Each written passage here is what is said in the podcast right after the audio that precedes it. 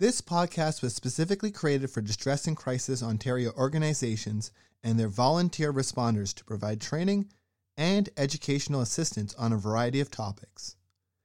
As information evolves and changes, these podcasts are meant to offer ongoing support with the goal of updating them on an ongoing basis. We thank the volunteer responders and the contributors to this podcast. Please visit our website, dcontario.org, for more information and how to access free mental health services. Thank you.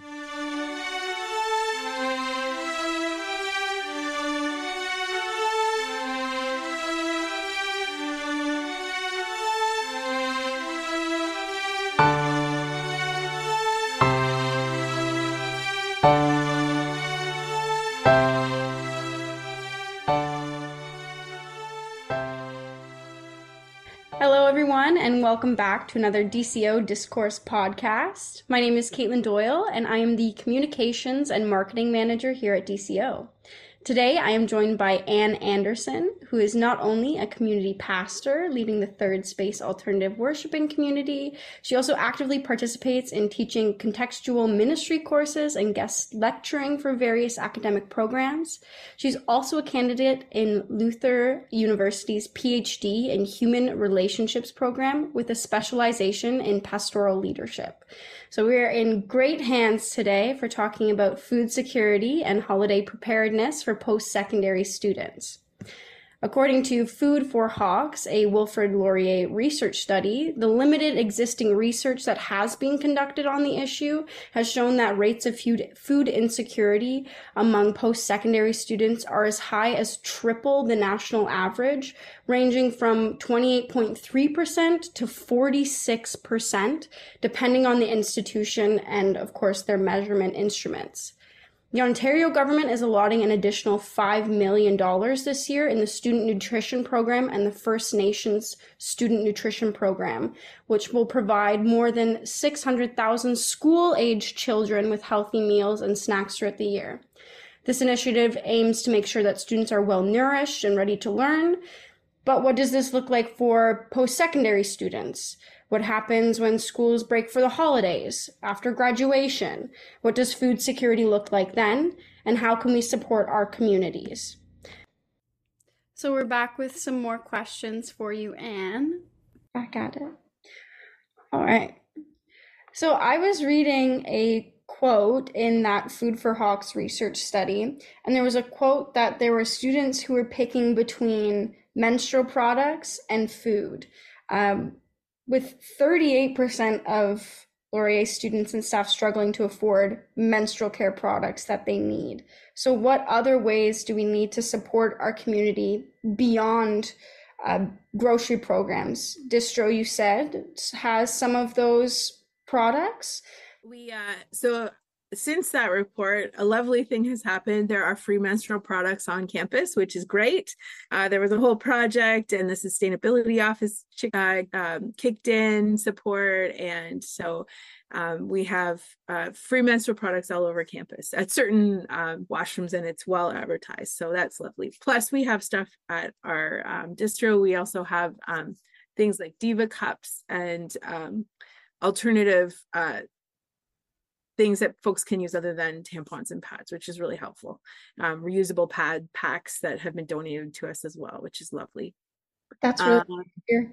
Yeah, it's great. Um, so happy to hear that. Uh, we also do one thing that started uh, well before um, distro um, and it has morphed into something else is we had a lending library um, which uh, started as um, international students were landing here and thinking that a furnished apartment meant something different than what it does here in Canada. Um, mm-hmm. Um, they were expecting things like sheets and cutlery and kitchen goods, um, things like that, and were very surprised when it wasn't here. So, um, with the help of the wider community, lots of folks that are either downsizing or maybe selling a cottage, or they just have a lot of stuff and they want to donate uh, usable stuff. Um, we started doing a lending library and helping about 50 to 80 international students right when they got here to have those basic goods.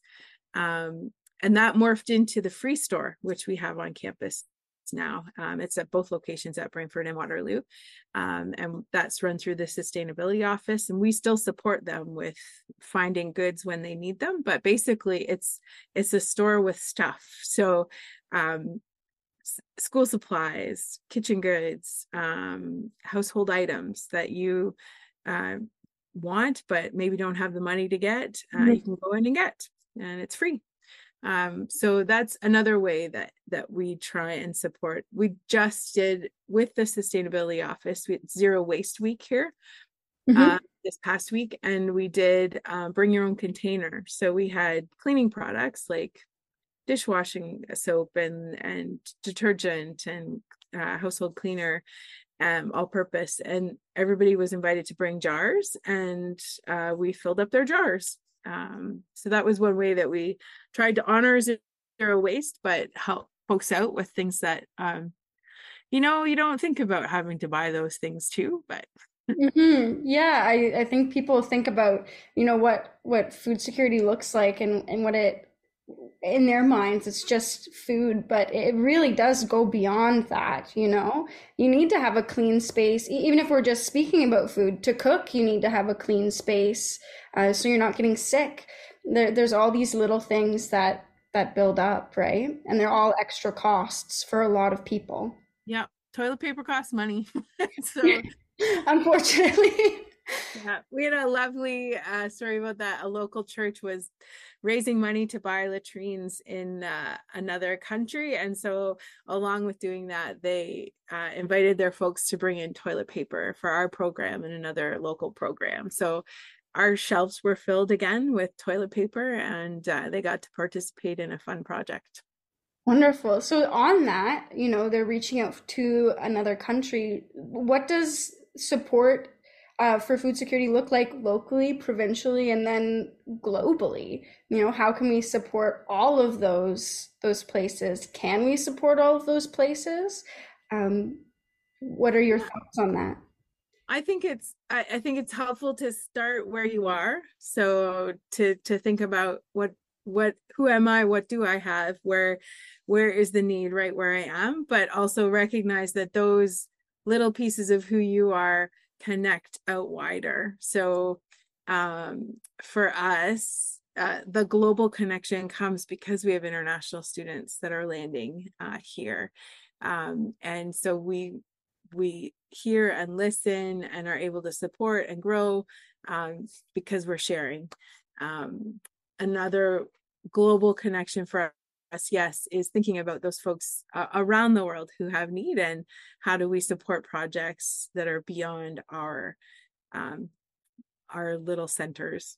Um, so for us, it's thinking about in my context, I'm a Lutheran pastor, so there's um, aid agencies that that we support, uh, like CLWR, um, that work with other aid agencies in the world so that when there's a crisis somewhere so war or a natural disaster. I i know that i can give donation to or resources to an organization that's on the ground already there and it's not that i have to go find a quilt for somebody and and send it somewhere. It's it's mm-hmm. supporting the people who know what is actually necessary and needed at that time in that place.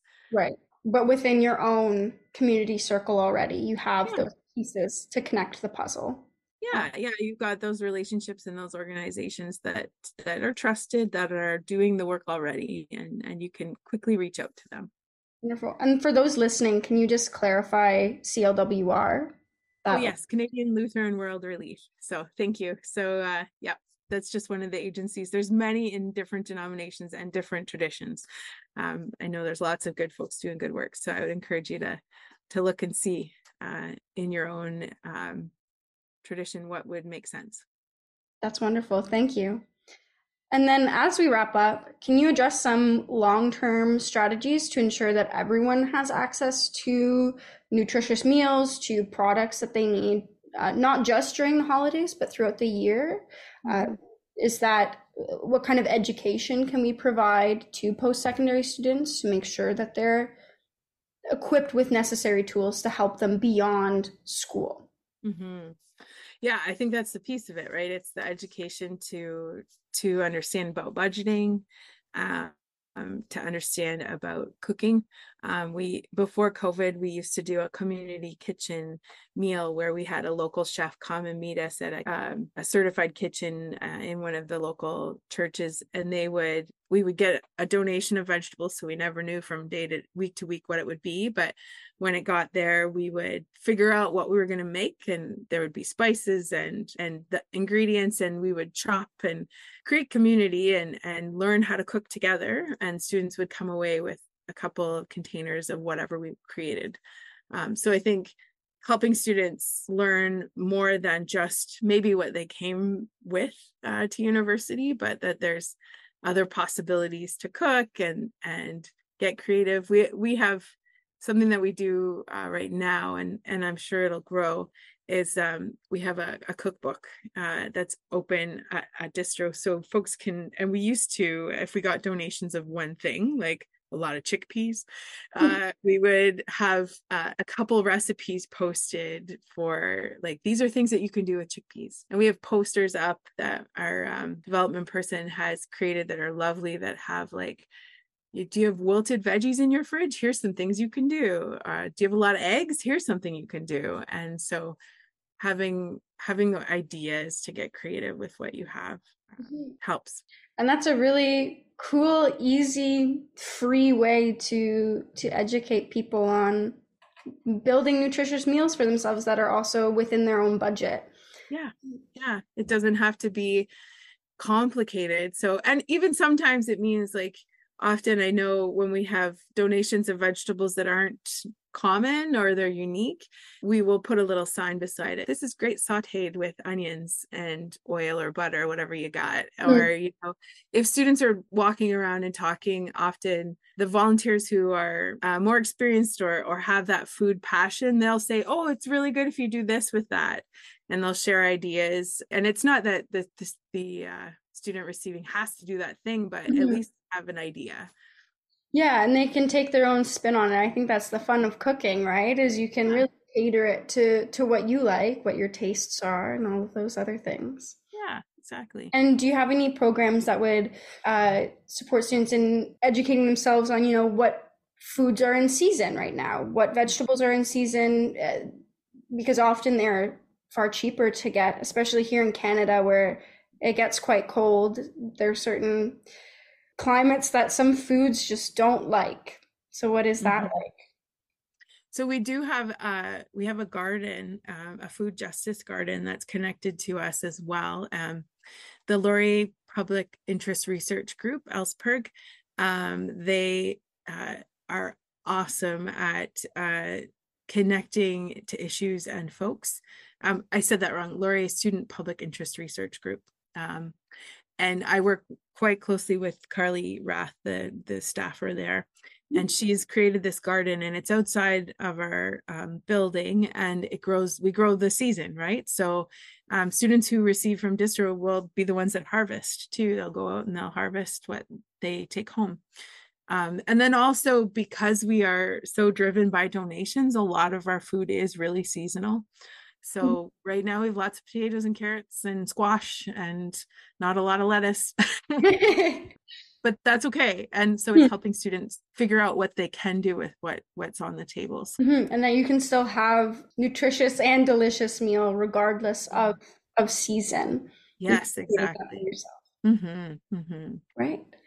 Well, that, those are all my questions for you today. Thank you so much, Anne. Is there anything else that you want to add to our discussion today? No, grateful for the chance to talk. And I think it's really important that we not hide this uh, issue of food insecurity. It's it's not something to be ashamed of. It's something that I think once we start talking about it and recognize that it's it's an issue it's it's something that we can do something about i think mm. things will change so grateful for the chance to do that. Me too. Yeah i feel like i've learned so much about how to help my own little community and and how that affects beyond you know? Even if the federal government isn't doing anything right now we can still do something. For sure for sure. That's where we start with exactly. us mm-hmm. Wonderful We'll leave it at that for this week's podcast. Thank you so much, Anne. I really appreciate this. You're welcome. It was great.